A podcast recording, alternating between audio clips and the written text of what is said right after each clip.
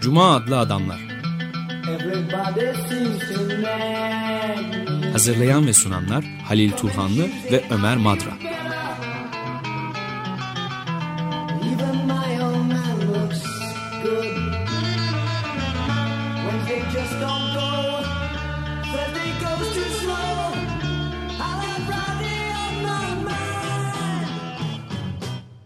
Merhaba Halil, hoş geldin. Teşekkürler. Stüdyoda konuğumuz var. Ee, Mimar Korhan Gümüş. Kendisine de te- hoş geldin diyelim. Merhaba, hoş bulduk. Merhaba, hoş geldin Koran. O Bugün- mimar ve programcımız ta başından beri. Ayrıca onu da belirtmek lazım tabii.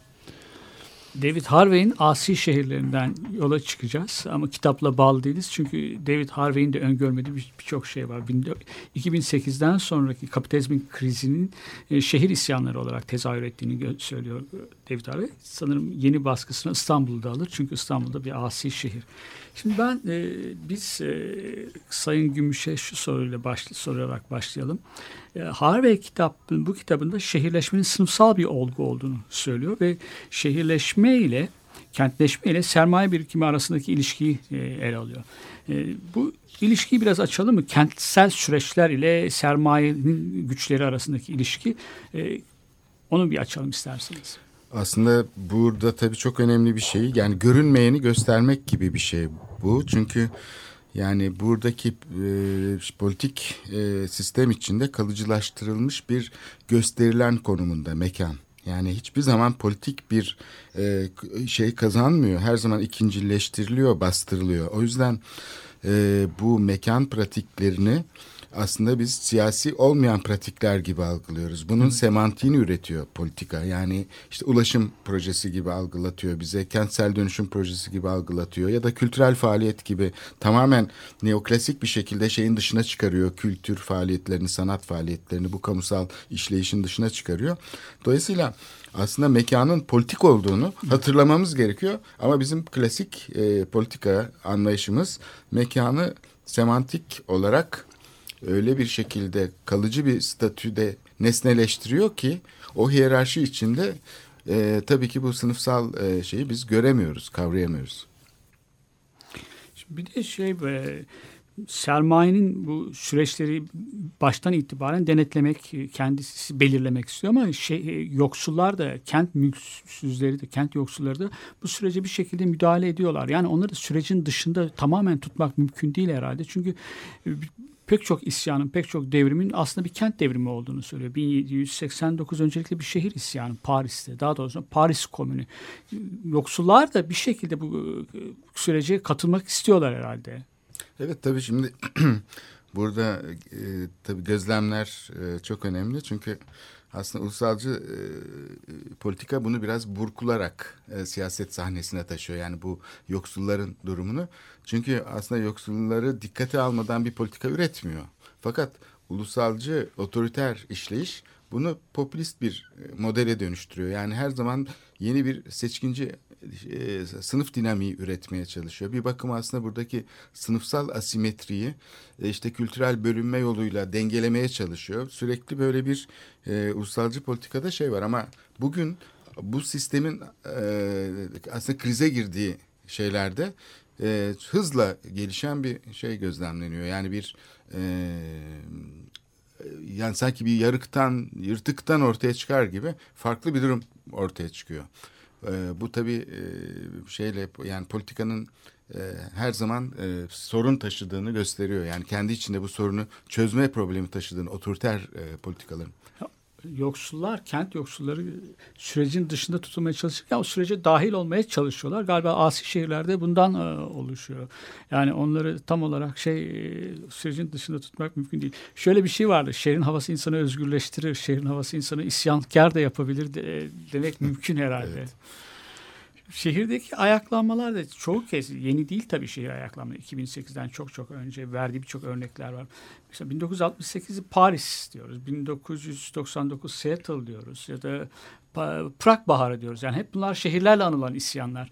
E, ama daha önce de kapitalizmin e, başlangıç evresinde de e, ayaklanmalarda e, bu yoksullar için ayak takımı kavramı kullanıyor. İç sözcüğü kullanıyor. Mob sözcüğü kullanıyor. Daha çok vahşiler, barbarların, e, baldırı çıplakların ayaklanması. Vahşi olan aslında kapitalizmin kendisi herhalde değil mi? Şey, Çok acımasız yani. Neoliberal politikalar çok daha acımasız. Evet tabii yani bu hele taşeronlaştırma sistemi yani herkesi bağımlı hale getiren sistem e, şiddet e, de sonuçlanıyor. Bunun örneğini de işte Taksim'de gördük. Mesela o ağaçların kesildiği gün e, bir tarafta e, geceki operasyonu başaramadığı için e, müteahhit ya da belediye diyelim. E, orada polislerin dışında bir de sivil giyimli e, böyle iri kıyım insanlar e, vardı. Bunlar belli ki bir talimatla bir tarafa koşuyorlardı. Bir talimatla hemen şeyin önüne diziliyorlardı. Demek ki e, burada her şey bağımlı. Yani projeyi yapan mimar ve şehir plancıları bunlar ihaleyle iş almış olan insanlar. Dolayısıyla onların bağımsız olarak kendi görüşlerini dile getirmesi ya da burada alternatiflerin ortaya çıkmasını sağlayacak bir arayüz oluşturması mümkün değil. Yani yapıyorlar bir şeyler, gidiyorlar başbakana gösteriyorlar, başbakan onaylıyor. Müteahhit işe almış, o bağımlı. Tamamen e, süre ve şey olarak e, bütçe sınırları içinde hareket etmek zorunda. Ve yukarıdan da herhalde sürekli talimat alıyor. E, polis bağımlı. E, oradaki o sivil giyimli insanlar da e, işte mutlaka herhalde bir taşeronun altında falan çalışıyorlardı. Sonradan belediye zabıtası gömleğe giydiler ama e, belediye çalışanına hiç benzemiyorlardı.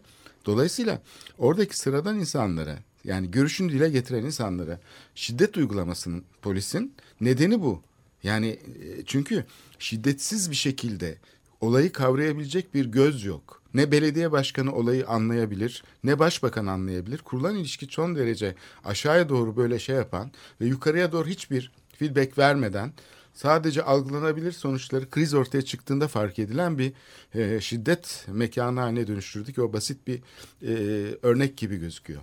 Burada belki ben de bir ufak e, ilave soru e, sorabilirim. Yani e, şimdi bu Büyükşehir Belediyesi'nin işi filan değil tabii özelleştirilmiş bir takım şirketlere taşeron ya da müteahhit firmalara devredilmiş. Şimdi şirket olduğu zaman zaten yapısal olarak şirket denen kavramın kendisi faşist bir örgütlenme biçimi. Belki bunun üzerinde de durmamız lazım. Yani en e, tamamen piramidal bir şekilde en tepedeki patronun yani şirket sahibinin e, belki ancak e, hisse e, senet sahiplerine bir sorumluluğu vardır ama CEO'nun o bile daha sonradan devreye girecek bir Küçük şey. pay ama- sahiplerinin bir şey hak sahibi yani olan- işleyiş olarak tamamen emir komuta zincirinin adeta askeri hatta belki askeriden de daha kuvvetli bir şekilde çünkü e, şeyini de kaybedeceği.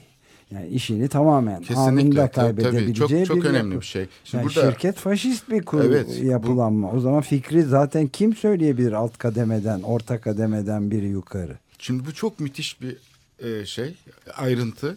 Çünkü biz hep e, siyasetçileri sorgularken niyetler üzerinden sorguluyoruz. İşte AKP zihniyeti, rant politikası falan diye.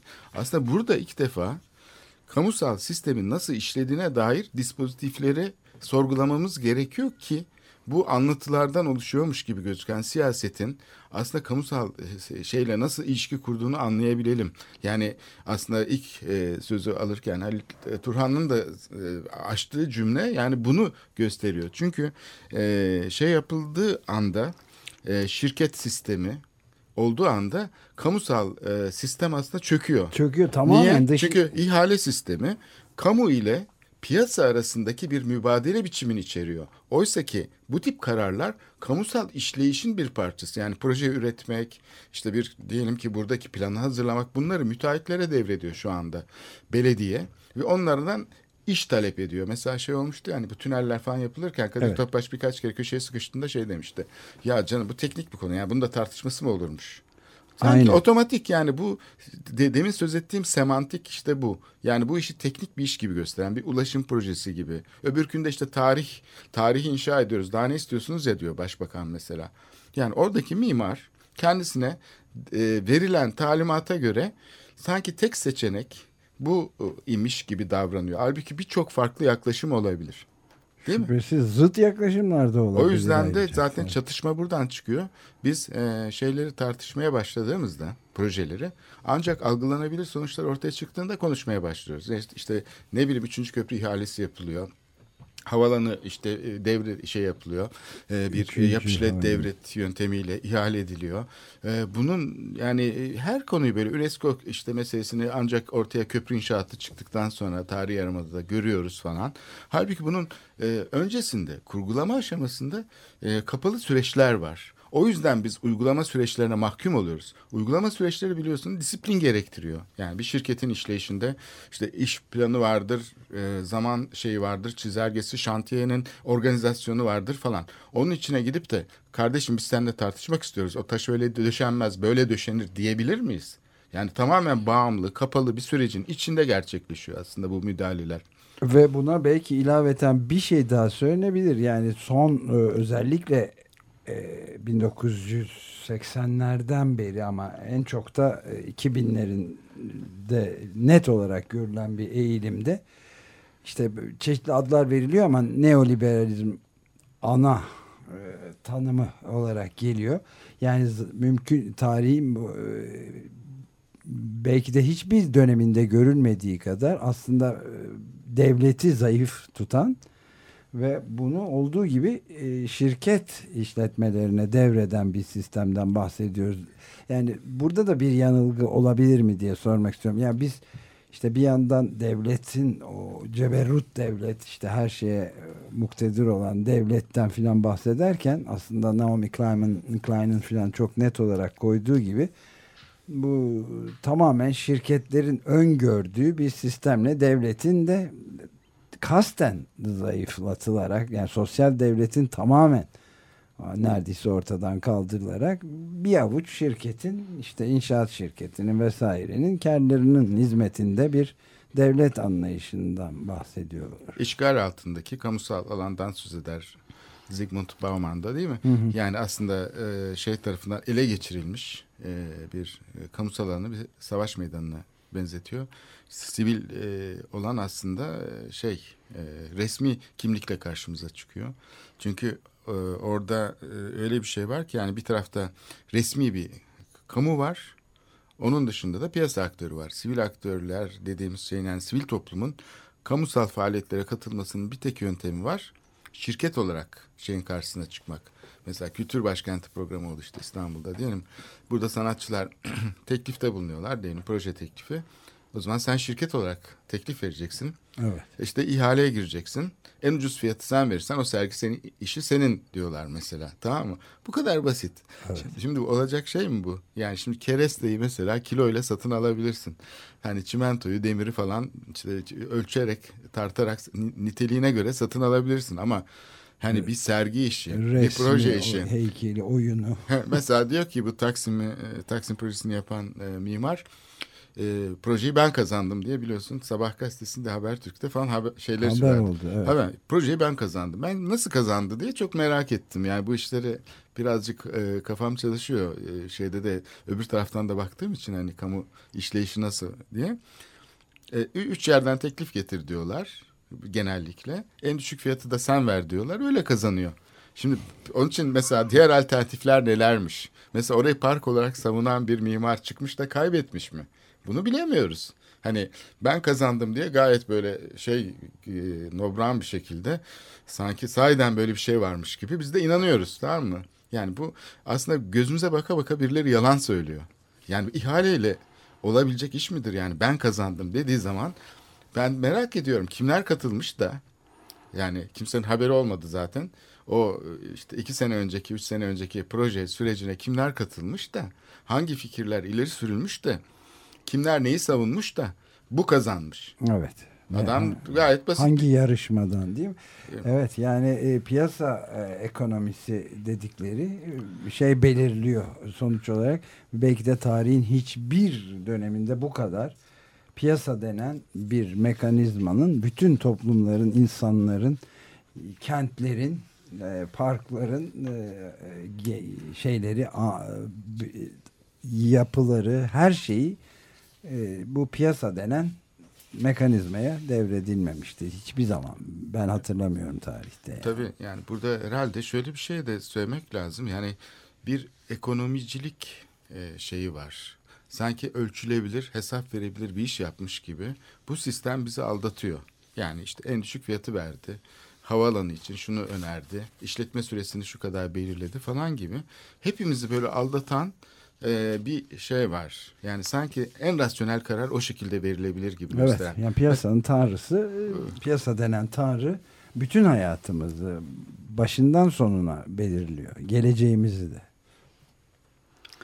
Evet, bir soru daha soralım. Tabii, isterseniz. tabii. Şarkı ara vermeden önce. E, Harvey'in vurguladığı bir şey var. Bu kentsel örgütlenme, alternatif örgütlenme, başka bir kentleşme mümkündür. E, derken bunu bir belediyeler, yerel yönetimlerle yürütülebileceğini söylüyor. E, örnek de 1970'lerde İtalya'da Komünist Parti'nin belediyeleri. Hatta Fransa'da Bolonya'da falan Ama evet. mi? Aslında sonra yaygın örnekler oluşturdu. Güney bunlar. Amerika'da bazı Evet. örnek daha yakın tarihte. Ee, buna peki Türkiye'de de böyle bir özgürleştirici belediyecilik diyelim. Ee, mümkün mü? Örneklerini pek gördüğümüz bir şey değil aslında. Bizde biraz yabancı gibi yani bir deneyim gibi geliyor bana. Ee, onu bir sorayım ben. Bir de e, kentsel yönetimle antikapitalist siyasete dönüştürebilir miyiz? Onu çok önemli o- olduğunu söylüyor. Bu bunu nasıl yapabiliriz? Yani o başka bir kentleşmeyi, antikapitalist bir mücadeleyi, daha geniş bir perspektiften bakmayı nasıl e, becerebiliriz? Çok zor bir soru tabii. Yani Evet. Bunun bir formülü yok. Evet Ama ama belki- son olaylar, İstanbul'daki son olaylarda e, Gezi Parkı olayı isyanı diyelim işte İstanbul'daki Bu- bu- isyan. isyan. isyan. Buna da isyandı ama. Evet, bu demin konuştuğumuz serbest piyasanın temel belirleyiciliğine yani devlet e, adı altında aslında bu faşizme e, faşizme karşı omuz omuza derken Evet. ulusalcılar da milliyetçiler de komünistler de anarşistler de bir arada ve futbol taraftarları da yürürlerken hatta belki şirket çalışanları bile şirket sahipleri bile küçük şirket sahipleri bile tabii. faşizme omuz omuza e, sloganıyla çıkarken aslında bu faşizmi işte. Yani bu gerçek bir faşizm çünkü. Eğer tabii sondan başladık soruya Evet. ama doğrusu da bu galiba. Çünkü yani bu e, siyasi anlatılar içinde hepimiz e, yani bu şeyin e, kompartımanlara bölündüğümüzü fark etmiyoruz. Sağcı solcu olarak değil sadece meslekler olarak da. Yani kamusal işleyişe müdahale eden aktörlerin de şey bu hep seçkinlerin gözünden okunan da bir mekan e, şeyine sahibiz. Bu e, ayrışma e, aslında bu şey e, krizi örtbas ediyor. Yani buradaki şiddeti aslında örtbas eden şeylerden biri meselenin sanki sağcı solcu olmak, İslamcı laikçi olmak falan gibi olduğunu bize gösteriyor. Oysa ki bu Taksim'de ortaya çıkan şey aslında bu bizim bu kutular içine yerleştirilmiş zekamızın, siyasi e, şeyimizin dönüşmesini ne yol açtı? Çünkü aslında sorunumuz ortakmış dedi insanlar. Yani bir ateistle bir Müslüman yan yana gelip ya biz aynı şeyden aslında şikayetçiymişiz bugüne kadar ama bizi karşı karşıya getiren bir e, şey varmış. Ben ona işte Aldatmaca. aldatmaca yani askıya mı alma diyelim. Yani ulusalcı siyasetin Ankara merkezli İstanbul'a bakması mı diyelim. Yani bütün şehirlerin e, şeyini karşı karşıya olduğumuz mekanla ilgili problemleri hep bunu böyle bir e, seçkinlerin gözünden okuyan sıradan insanlar olarak da biz öyle okuyoruz. Yani biz de krizi örtbas ediyoruz sürekli mimarlar, plancılar hep böyle bu işi teknik bir iş gibi gösteren meslek kuruluşları.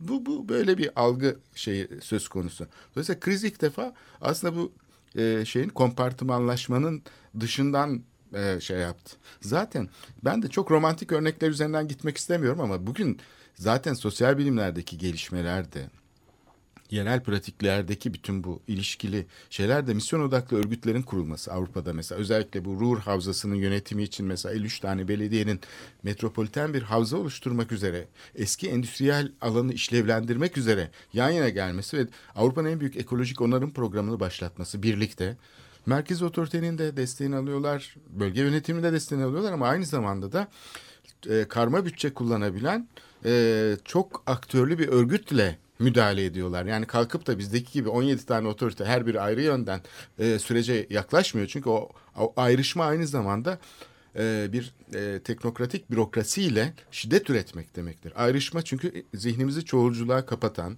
e, bunun deneysel e, boyutunu yok eden, hatta yaratıcılığı yok eden teknik şartnameler düzeyinde ihaleyle iş yapabilir hale getiren kamuyu bir modeldir. Onun için bizde zaten projeler ihaleyle yapılıyor. Yok başka sistem çalışamaz ki. İşte ben falanca mimara bu işi nasıl verdim nasıl diyebilir ki başka türlü kamu otoritesi? Ancak ihaleyle verebilir bunu. Başka yöntemi çünkü bilmiyor ki. Böyle bir deneyimi yok. O şeyin Hafsalası içinde bile almıyor başka bir Evet. yöntemi. Mesela Düşünemiyor bile. Taksim'de diyelim ki orada yetkili şey Park ve Bahçeler Müdürlüğü olsun. O lale sayısına göre ihale yapabilir ancak. Yani oradaki kamusal işleyişin ilişkisel bir şey içinde yönetimini sağlayamaz. O zaman birinci soruya gelirsek yani bunun alternatifi nasıl olabilir? Aslında bunu böyle hani romantik bir şekilde şurada oldu, Fatsa'da oldu, burada oldu falan demek yerine ben daha ka- kalıcı bir sisteme doğru zaten bir gerilim olduğunu düşünüyorum. Bugün kent yönetimlerinde bu ulusalcı siyasetten kopabilen alanlar oluştu. Yani bir takım yarıklar oluştu. Bunlar mesela bu e, şey olanlar yani misyon odaklı örgütler. Mesela işte RUR gibi çok, çok eski belki ilk deneyimlerden biri hani 40 yıllık bir deneyim olduğu için. Ama bunun örnekleri artık o kadar yaygın ki Mesela yani bunun e, şeylerini artık e, mesela bu e, Avrupa Birliği içindeki kent yönetimlerinin o kadar sıradan gerçekleştirdiği e, uygulamalar var ki bence bunlar bile çok önemli. Onları gözlemlemek bile yani bir mahalleye bir müdahale yapılırken nasıl bilgi paylaşılıyor, alternatifler nasıl ortaya konuyor, buradaki işlevini yitirmiş bir bira fabrikası kente Brüksel'de nasıl kazandırılıyor, onun için de işte yoksullar için nasıl kaliteli bir şey sunabilecek, eğitim sunabilecek e, imkanlar yaratılıyor, E, boşanmış ailelerin çocuklarının psikolojik sorununu çözmek için nasıl bir STK'larla işbirliği programı yaratıyor. Yani bunlar aslında bu pratikler dünyanın her yerinde var. Sadece bizim gördüğümüz böyle sınırlı alanda değil. Neredeyse böyle görünmeyen bir devrim gerçekleşiyor kentlerde. Çünkü başka türlü yönetilemiyor. Bakın Taksim projesi yönetilemiyor. Yani eğer Tayyip Erdoğan'ın gözünden bakarsanız oraya yapılsın o kışla yönetemeyecek çok rahat. Oradaki kongre merkezi yönetilemiyor. Yani yüzde doksan boş ve içi küf içinde. Oraya bir masa koymuşlar. Bir otel yönetimi onu e, şey yapmaya, çekip Ayakta çevirmeye çalışıyor ama olmuyor. Ben bu Yeşillerin o büyük toplantısı İstanbul'da yapılacağı zaman gittim orada. Hani burası nasıl yönetiliyor diye de gözlemleme fırsatım oldu. Yönetilmiyor aslında. Sütlüce'deki o muazzam Avrupa'nın en büyük kültür merkezi diye başlayan ve dünyanın en pahalı kültür merkezi inşaatı olan yer yönetilmiyor. Yani sadece teknik nedenlerle değil. Yani salonları çok kötü olduğu için, proje tasarımı berbat olduğu için değil. Yönetim şeyi gerçekleştirebilecek öznesi ortada olmadığı için yönetilemiyor. Evet buna belki de şeyi de e, ekleyebiliriz. Yani Adliye Sarayı bile iyi yönetilemiyor. Avrupa'nın en en büyük Adliye Sarayı da hukuka bazı e, şeyler de e, problemler Sayalım de- yani okullar yönetilmiyor, müzeler yönetilmiyor. Yani yönetilmemesi iyi bir şey bir bakıma okulların Evet. falan ama Bir yönetim krizi var. yani. yönetilmiyor yani Türkiye'de. Kamu dedinsin içi boş yani onu.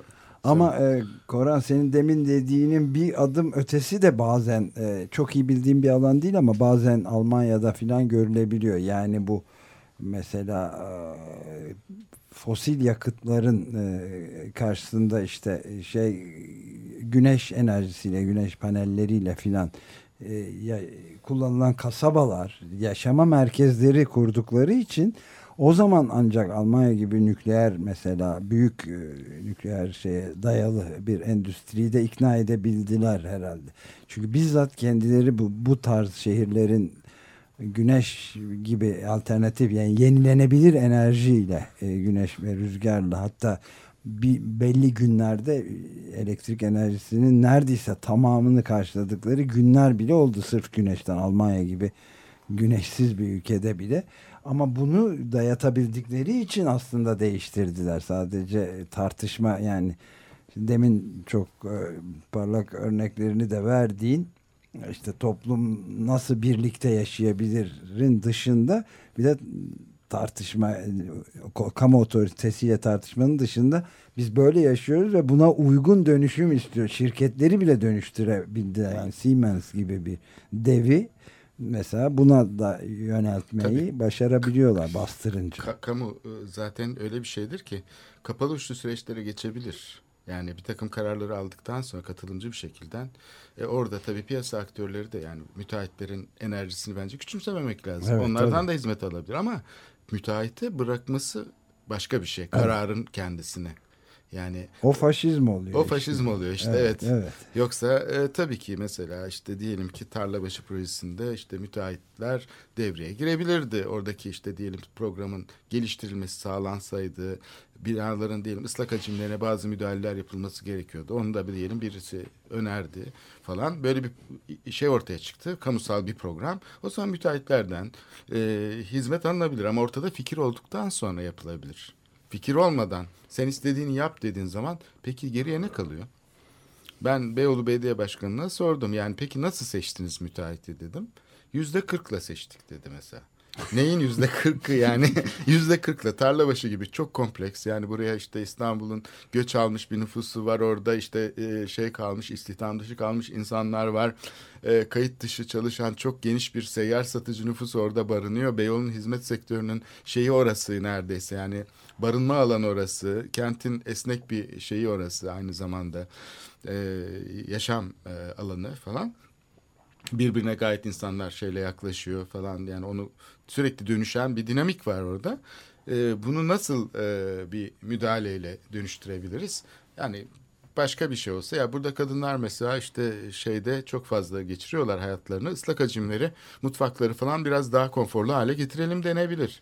Ya da işte e, vatandaşlık statüsü olmayan insanlar yaşıyor. Onların kente uyumu entegrasyonu için bir program geliştirelim. Neyin yüzde kırkı yani orada metrekarenin yüzde kırkı diyor mesela belediye başkanı gayet somut ölçülebilir bir şey.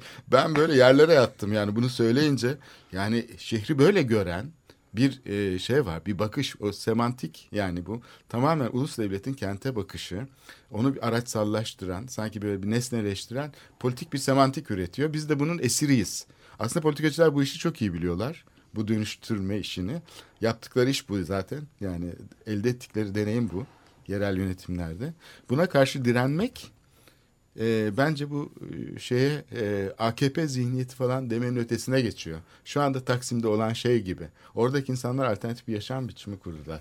Bu bence çok şeyden çok daha anlamlı. Yani Bütün dünyanın da e, bence bir şey küresel baharın aslında bir parçası. Adbusters'ın da e, geçenlerde yazmış olduğu gibi derginin. Bir ara verelim Evet. izin verirseniz. David Harvey'in Asi Şehirler kitabından yola çıkarak şehir hakkından kentsel devrime doğru alt başlığını taşıyan Metis yayınlarından yayımlanmış. Ayşe Deniz Temiz'in sunuşuyla böyle çevirisiyle yayımlanmış bir kitabın bu epey e, üzerinde durulmuş bir e, yapıt E, Açık Radyo'nun çeşitli programlarında da şimdi tekrar oradan çıkarak ama asıl Türkiye'deki büyük e, İstanbul'da başlayıp bütün şehirlere Çok yayılan güzel bir ön söz var. Sözünü kestim. Ayaklanmayla. ön sözü yazan ve çeviren Ankara'da. Onu da konuk edemiyoruz maalesef. Yani kendisiyle ben e, haberleştim ama Ankara'da gelmesi Evet mümkün bir yani. başka programda ben telefonla bağlantı kurup bu şeyi konuşmuştum. Bu kitabı değil de bir başka e, Julian Assange ve arkadaşlarının e, şifre punk kitabı. O da çok Evet. dünyanın en önemli meselelerinden biri. E, ulus devletin bu şeyi kullanarak üstümüze çullanması işte. Neyse o ayrı bir konuydu ama Ayşe Hanım da o vesileyle bir konuşma yapmıştık. Şimdi bir e, müzik için ara verelim. Leave Me Alone adlı parçayı Joy Division'dan dinleyeceğiz. Leave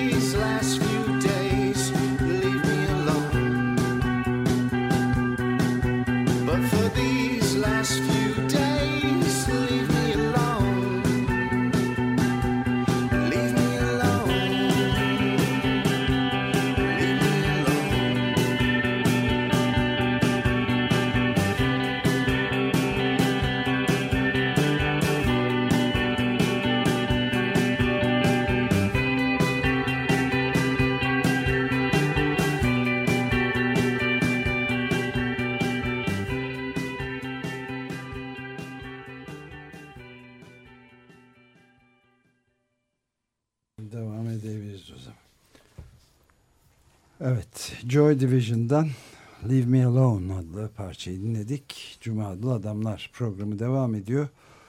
David Harvey'in Asi Şehirler kitabından yola çıkarak aslında İstanbul'da, Türkiye'de ve dünyada olup biten ayaklanma hadisesinin şehir ayaklanmalarının üzerinde durmaya çalışıyoruz. Evet Halil. Ee, Ee, bir soru daha. Korhan Gümüş Daha doğrusu konuğumuz. soru ortaya atıp tartışalım. Ee, kitapta e, yer ayırdığı, çok önemsediği, haklı olarak önemsediği Henri Lefebvre'nin e, şehir hakkı ve kentsel devrim. O 1967'de yazmış. Yani 1968'den aşağı yukarı birkaç ay önce Paris'in e, 1960'larda geçirdiği o kriz, e, e, değişmesi, Haussmann'dan e, beri ilk kez öyle halin çevresinin, şehrin çevresinin değişmesi durumcuları da çok ilgilendiren bir konu. Şehir hakkı biraz müphem. Ne, ne anlamalıyız şehir hakkından? Hem aslında müteahhitler de şehir hakkında savunuyorlar. Onların da şehir, şehir hakkı olduğunu, finansörler, e, sıradan insanlar ve e, şehir yoksulları, bir de şehirde yaşayan bizler ne, ne anlamalıyız bu şehir hakkından? Başta söylediğimiz o kentsel e, kentleşme süreçlerine bir katılım, bir, bir yönüyle o. Ama bundan daha öte şeyler de ifade etmesi gerektiğini söylüyor. Açık bırakıyor aslında e, David Harvey de. Evet galiba yani şey için e, ötekileştirme mekanizmaları gerçekleşiyor. Yani şehrin kendi e, e, şeyinde e, siyasi e, müdahaleler e, bu tip e, şeyler yaratıyor ve buna tabi olan insanları da e, ötekileştirerek aslında görünmez hale getiriyor, buharlaştırıyor. Mesela Sulukule'ye müdahale ettiği zaman kent yönetimi işte orada beş sene falan oldu değil mi? Çalıştık, manıştık işte görünür hale geldi sorun falan. Ama normalde işte burası mezbelelik, burası temizlenecek, işte burası şey olacak, iyileşecek, güzelleşecek. Yani bütün müdahaleler böyle gerçekleşiyor. Ve burada e, bize sunulan bir şey var, görüntü var. Bu seçkinlerin gözünden bize sunulmuş olan şehir. Biz bunu öyle görüyoruz. Ve aramızda tartışıyorsak da genellikle yani o perspektif içinde tartışıyoruz. İşte bilim açısından yaklaşıyoruz. İşte bu bilim şehircilik bilime uygun değil falan gibi şeyler de e, söyleniyor. Kendi kamu yararını temsil eden e, gruplar var. Fakat burada bastırılmış olan çok geniş bir kitle var. Asıl bu işten kaybederek çıkan, sürekli kaybeden. Onları pek dikkate almıyoruz. Yani onlar yani bu yeni proleterleşme biçimlerinin yarattığı aslında şeyin altında kalan nüfus onların e, kazanacakları çok fazla bir şey yok. Yani onlar tabii ki e, yollarını arıyorlar e, şeyler ama onları da işte suçlulaştıran baskıyla e, belli şey içine sokmaya çalışan işte askeri ücretle taşeronların altında çalışmaya zorlayan böyle bir kölelik sistemi gibi bir şey ortaya çıkıyor. Şehir hakkı dediğimiz zaman yani bu zaten ayrıcalıklarını korumaya çalışan grupların değil aslında eşitlikçi ilişkileri yaratmaya çalışacak bir takım şeylerin e, politik şeylerin ortaya çıkması lazım. Yani mesela e, bizim sol hareketin genellikle halkı temsil iddiası üstüne kurması e, bu eşitsizliği pek e, sorgulamak anlamına gelmiyor. Gelmiyor, Çünkü evet. bugün AK Parti'de aslında işte e, bu eşitsizlik üstüne kendi politikasını kurmuş ve kurumsallaştırmış durumda. Yerel yönetimlerde bir bakıma aslında yaptığı her şeyi tanımlayan bir e, kutsal bagaj olarak iş görüyor bu e, politika dediğimiz şey. Oysa ki içine girersek iktidarın kendi fiziğinin içine girdiğimiz zaman burada maddi aygıtlar var ve bu maddi aygıtları sorgulaması gerekir sol hareketin. Ben kent hakkını yani bu açıdan bu görünmeyen şeyi e, talep etmek olarak algılıyorum. Yoksa herkesin tabii hakkı var ama o haklar eşit dağıtılmıyor. Mesele burada zaten. Evet burada e, mesela bu e, şey de var Sema Erder'le Nihal Erder'le İnceoğlu, Nihal Nihal, İnceoğlu'nun e, şimdi iki, kitaplarının ikinci baskısına da yeni baskısına e, ön söz olarak yazdıkları bir şey var. Çok bu konuştuklarımızla çok bağlantılı geldi bana da. Ben tamamını okumadım maalesef. Yazının biraz şey davranıyorum ama yani sonuç bölümünde şunu söylüyorlar demin e, konuştuklarımız bağlamında e, 2004'ten bu yana yerelleşme doğrultusunda hakim bir eğilim olmadı. Hatta çelişkili gibi görünen süreçlerin bir arada yaşandığı gözleniyor diyorlar. Yani e, 2004-2005'te Avrupa Birliği'ne üyelik süreciyle ilişkili yapılan yasal ve kurumsal düzenlemeler sanki yerelleşmenin derinleşeceği izleminin izlenimini vermişti ama sonraki düzenlemelerle çok önemli bazı şeyler, yetkiler mesela imar planlama yetkisi belediyelerden alınıp merkeze aktarılmış. Yani büyük bir merkeziyetçiliğe gidildiği görülüyor ve e, AKP iktidarını da pekiştirince yeniden merkeziyetçiliğin ortaya çıktığı gö- görülmüştür. Ama bunun klasik anlamda merkezdeki bürokrasiyi güçlendiren merkeziyetçilikten farklı bir yönü olduğunu söylüyorlar ki burası çok ilginç geldi bana. Yani bu bildiğimiz devlet merkeziyetçiliği değil, parçacı ve projeci. Biraz önce konuştuğumuz şeyler. Projeci planlama anlayışına dayanan yani devletin aslında büyük sermaye ile ilişkilerini kolaylaştıran bir nitelikte.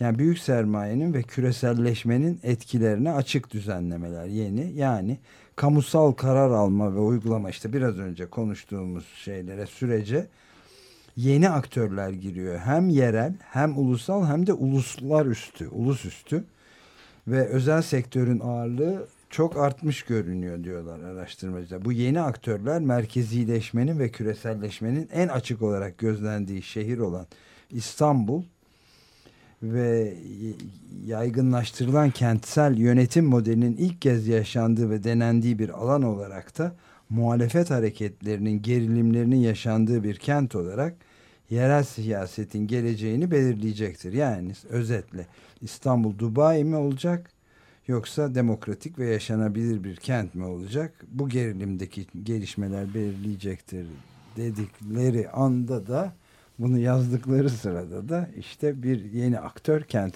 kentin kendisi gençliği duruma e, müdahale müdahil olmuş görünüyor. Evet aslında merkeziyetçilik insanda şöyle bir e, izlenim yarattırıyor. Yani sanki her şey böyle böyle sistemsel bir hiyerarşi içinde yukarıdan aşağı yönetiliyormuş gibi geliyor bize. Evet. Oysa ki tuz buz olmuş durumda kamu yönetimleri bu açıdan. Çünkü hepsi aynı parti içindeki insanlar bile birbirine karşı oynuyor. Yani e, bu e, şeyin e, Sema Erder'le Nihal İnceoğlu'nun şeyi çok enteresan gözlemleri. Çünkü 2004 yılında değil mi yerel seçimlerde AK Parti'nin sloganı şeydi. yerel kalkınma idi. Yerel e, yönetimler üstüne vurgu yapan işte bu işi en iyi biz biliriz diyen böyle bir hava vardı.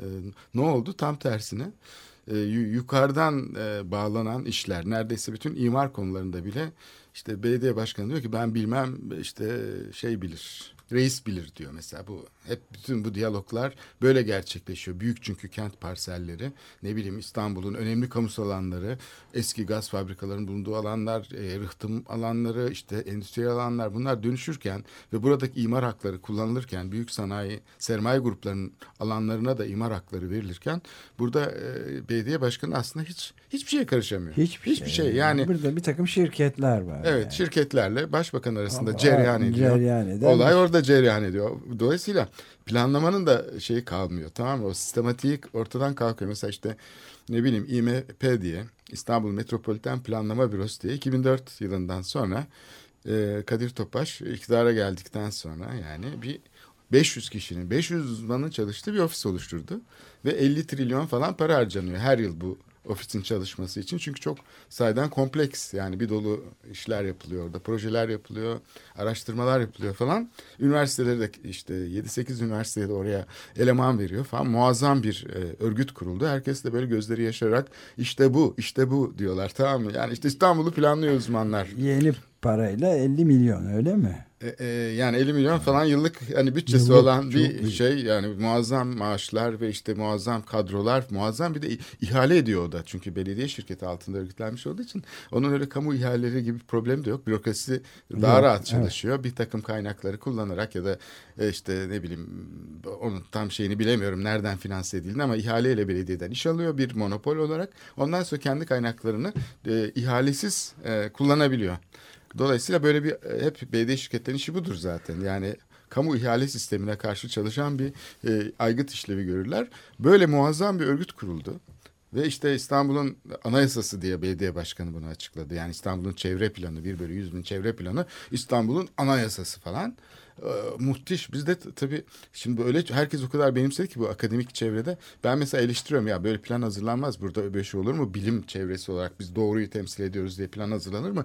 Bunun mutlaka katılım eşikleri olması lazım. Daha farklı şeyler olması lazım. Mesela ne bileyim bir takım mikro bölgelemelerle pilot uygulamalar yapılabilirdi. Mesela diyelim ki küçük üretim konusunda, kültürel miras konusunda işte bu Avrupa e, Komisyonu'nun yaptığı Fenerbalat projesi genişletilebilir falan. Yani illa da böyle muazzam bir planlama bürosu halinde anayasa yapmaya gerek yok ama yani bir yöntemsel bir farklılık getirebilir falan gibi eleştiriler getiriyordum. Şirket altında olur mu bu iş falan gibi. Ee, sonra e, şey o 7 senelik çalışma falan ne oldu? Başbakan helikoptere bindi ve köprünün yapılacağı yere karar verdi.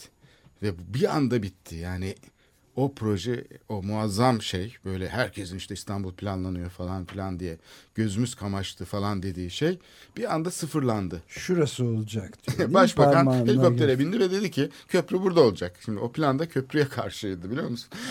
yani o kadar komik bir sonuç ortaya çıktı ki biz bunları tabii konuşmuyoruz. Bak İstanbul'un tarihinde aslında yani böyle unuttuğumuz şeyler var. Yani kayda geçmeden aslında şey yapılmadan, tartışılmadan oldu mu tamam işte yani şeyleri de proje işi verdiler uzmanları. Onlar da kendi görevlerini yaptılar.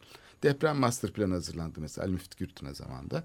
İşte ona da dünyanın parası ayrıldı falan. Üniversiteler işte proje şeyler yaptılar. Raporlar hazırladı. Hatta sivil toplum bölümünü bile uzmanlar hazırladı. Yani sivil toplum kuruluşlarını çağırıyorlar ama onu da uzmanlar hazırlıyor. E işte müteahhit gibi yani alıyorlar işi. Ondan sonra ne oldu? Siz gördünüz mü bir daha? Hayır. Deprem master planı ben bir billboardta bir ciltlenmiş şey olarak gördüm. İstanbul'u kurtaracak plan yazıyordu üstünde. Gazetelere falan böyle bir iki haber küçük çıktı. Ondan sonra unutuldu. Yani herhalde bu İstanbul Metropoliten Planlama Bürosu kurulurken de amaçlanan şey şuydu. Yani bu bizi eleştiriyor bu üniversite hocaları falan, meslek kuruluşları. Onlara da birazcık bu pastadan pay ayıralım. Onlar da işlerini yapsınlar ve sussunlar. E, biz de bildiğimiz işte müteahhitlerle yaparız. Ben ortaya çıkan sonucun bu olduğunu düşünüyorum. Çünkü uygulama ayrı, planlama ayrı. Sanki o da ayrı bir müteahhitlik çalışması gibi.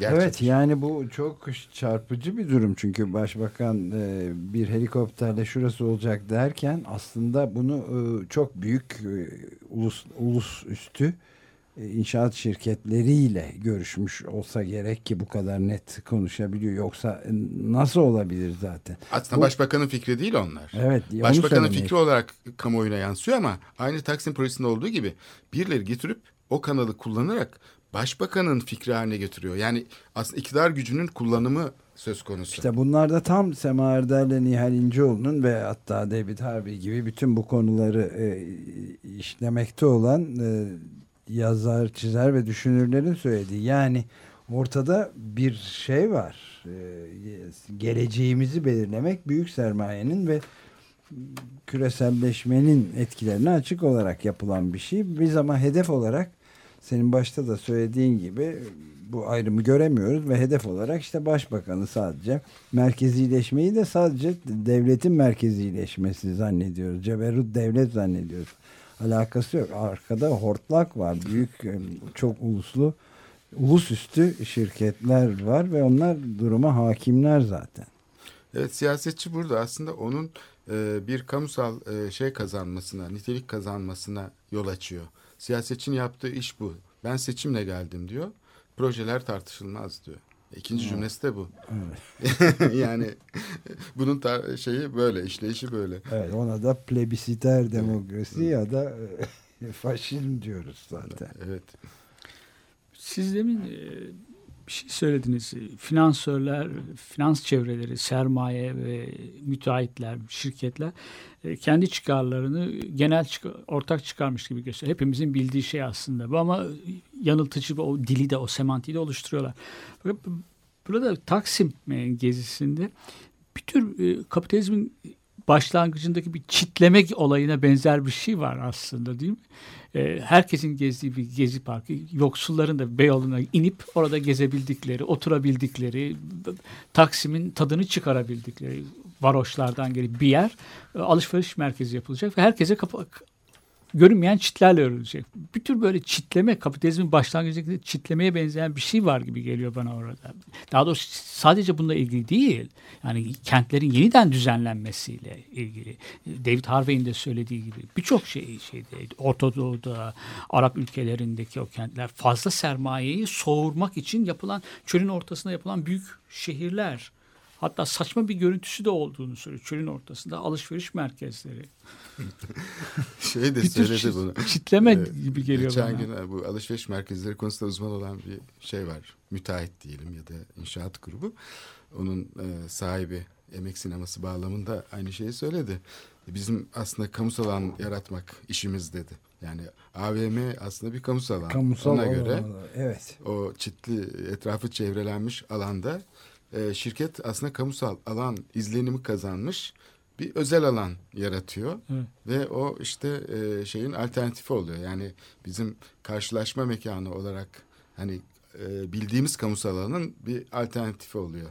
Taksim açısından bakarsak da tabii yani buradaki çok çeşitli yontma çabaları oldu geçmişten bugüne. Yani 1940'tan bugüne aslında ee, çok kente hizmet veren orada kamu yapıları vardı. Açık Hava Tiyatrosu, işte çok amaçlı salon, Lütfi Kırdar oldu sonra ismi Spor Ses Sergi Sarayı, şehir radyosu, şehir tiyatrosu bilmem nesi falan. Hatta bir de stadyumda buna katalım, operayı da katalım. Evet Orhan Pamuk da bunlara değinmiş bu Yani burası sadece bir boşluk değildi yani. Değildi, evet. Burası aynı zamanda 19. yüzyıl kapitalizminin şeyine karşı eee, dönüştürdüğü Pera'ya karşı işte Nişantaşı falan 20. yüzyılın yeni semti arasındaki boşluğa Cumhuriyet'in kendi manifestosunu e, göstermek için oluşturduğu bir kamusal e, şeydi, gösteri alanıydı. Zaten orada başladı mesele. Fakat burada söz konusu olmayan şey şu. Sanki biz hala iki milli program burada karşılaşıyormuş gibi düşünüyoruz. Yani opera mı, cami mi? Kışla mı, işte şey mi, başka bir şey mi falan, yeşil alan mı? Hayır aslında o sistem kendi içinde öyle bir şekilde oyulmuş oluyor ki biz bu işi sadece bir anlatıların çatışması gibi gördüğümüz halde aslında onun sistemin içinde oraya işte oteller yapılıyor. Bu şey yapıldığı zaman e, kışla yapıldığı takdirde oranın ne olacağını hepimiz biliyoruz. Yani belediye oradaki küçücük maksimi bile yönetemiyor. O şeyi kalkıp da şehir müzesini mi yönetecek? Mutlaka bir şirket e, Tabii üstlenecek tabii. bu işi. İhale Evet. edilecek. Bir şey daha be- benim dikkatimi çekti. Bu çok eskiden beri yani şey, 30-40 yıldır işlemekte olan bir süreç. Belki de daha da eski. Jane Jacobs'un büyük Amerikan şehirlerinde gözlemlediği banliyö yaşantı ha- hayatının kurulması. Türkiye'de de büyük e, şehirden açılan çıkan insanlar var. Orta, üst orta sınıflar. Bu kom- komşuluk ilişkilerinin yok olması, canlı sokak hayatının yok olması. Şimdi buradaki Buna bağlantılı bir şey daha var. Blancho'nun e, 68 olaylarıyla ilgili olarak söylediği bir şey. Ortaklığı olmayan cemaat. Ortaklık olmamakla cemaat ayrı şeyler, e, olacak şeyler değil. Yani cemaatte mutlaka ortak değerler ol- olur. Ama 68'de insanların bir, bir tuhaf bir iletişim kurduklarını, hiç birbirlerini tanımayan insanların o, o iletişim kurduklarını söyler. Bu Gezi Parkı isyanlarında da o özlenilen, yok olmakta olan o sokak canlı ilişkilerin canlanmasından söz edebilir miyiz belki? Hatta Ona belki patlamasından söz edebiliriz. Yani, yani- dün akşamki yani Müslümanların yaptığı eylemle yanındaki ateistlerin onlara saygı gösteren duruşu benim için çok anlamlıydı. Ya da işte ortak değerlerin paylaşılması inanılmaz şeyler de oldu. Yani e, öldürmeyeceğim, ölmeyeceğim, kimsenin askeri olmayacağım diyen vicdani retçilerle aynı mekanda çok kısa bir ötedeki bir mekanda da Mustafa Kemal'in hepimiz Mustafa Kemal'in askerleriyiz diyenlerin yani çatışmadan ciddi yani birbirine kötü bile bakmadan e, bir arada var oldukları çok acayip Hatta özen olaylar. gösterdik. tabii. Evet, yani özen göster. birbirlerine tahammül etmek değil. E, karşısındakine kendisinden daha fazla özen gösteren bir durum var ki Var, evet, bu bana görünüyor. müthiş geliyor. Yani evet.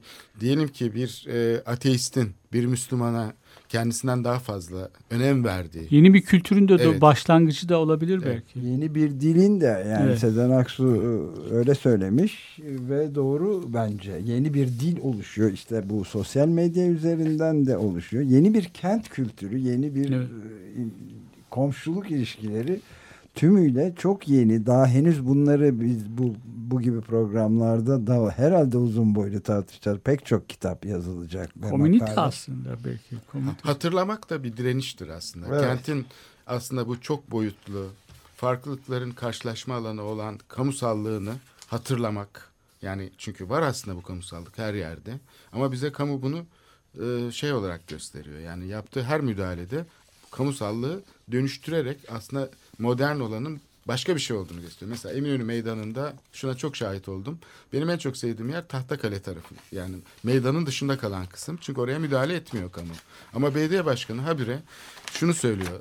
İşte Tahtakale vesaire gibi mezbelelik alanları düzeltmemiz gerekiyor. Ee, orayı da Eminönü Meydanı gibi granit kaplı, dalış tünelleri olan, işte şeyleri olan, e, otopark olan bir yer haline getirmeye çalışıyor. Yani şimdi bu kamusallığa karşı bir direniş var. Şehrin kendisi direniyor aslında. Sürekli direniyor. Evet.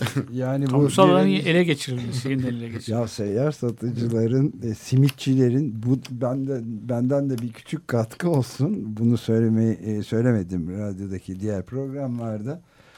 E, torunum da e, katılanlardan biri. Eylemler 12 yaşında. Maşallah. E, ve bana şeyi anlattı.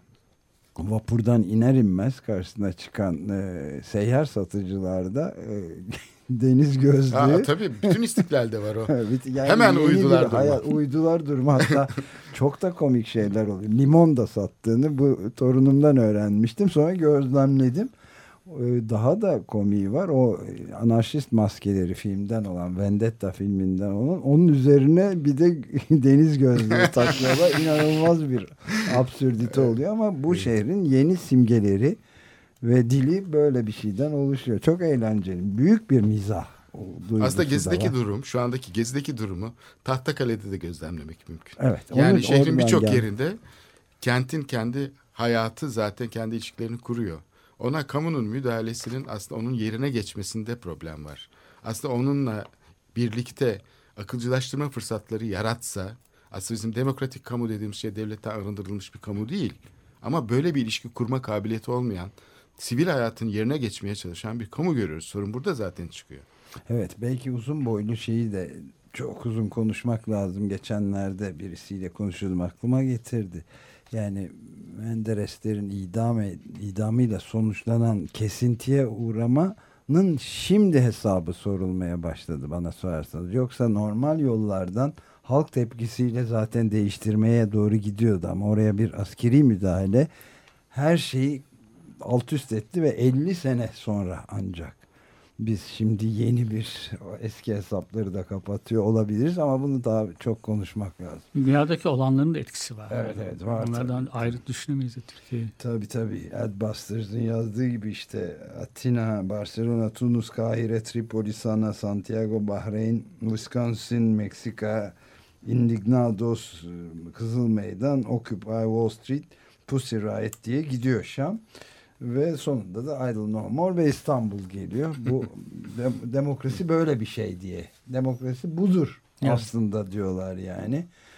Ve şeylerin gençlerin de söylediği gibi bu daha başlangıç. Ya doğru. Mücadeleye devam. Devam, Evet. evet. Korhan çok teşekkür ederiz. çok Bitiriyoruz herhalde. Benim için keyifti.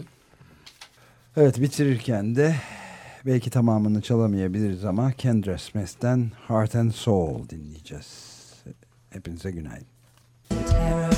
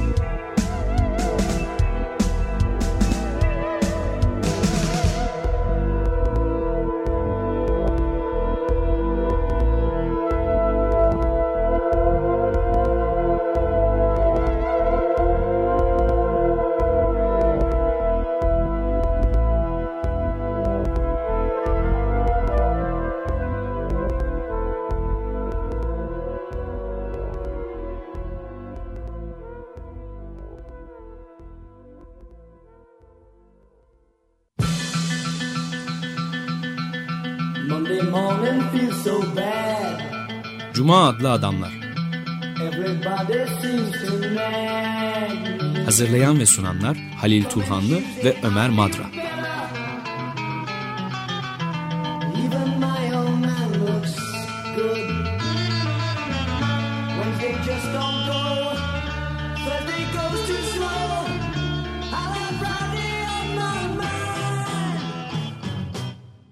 Açık Radyo program destekçisi olun. Bir veya daha fazla programa destek olmak için 212 alan koduyla 343 41 41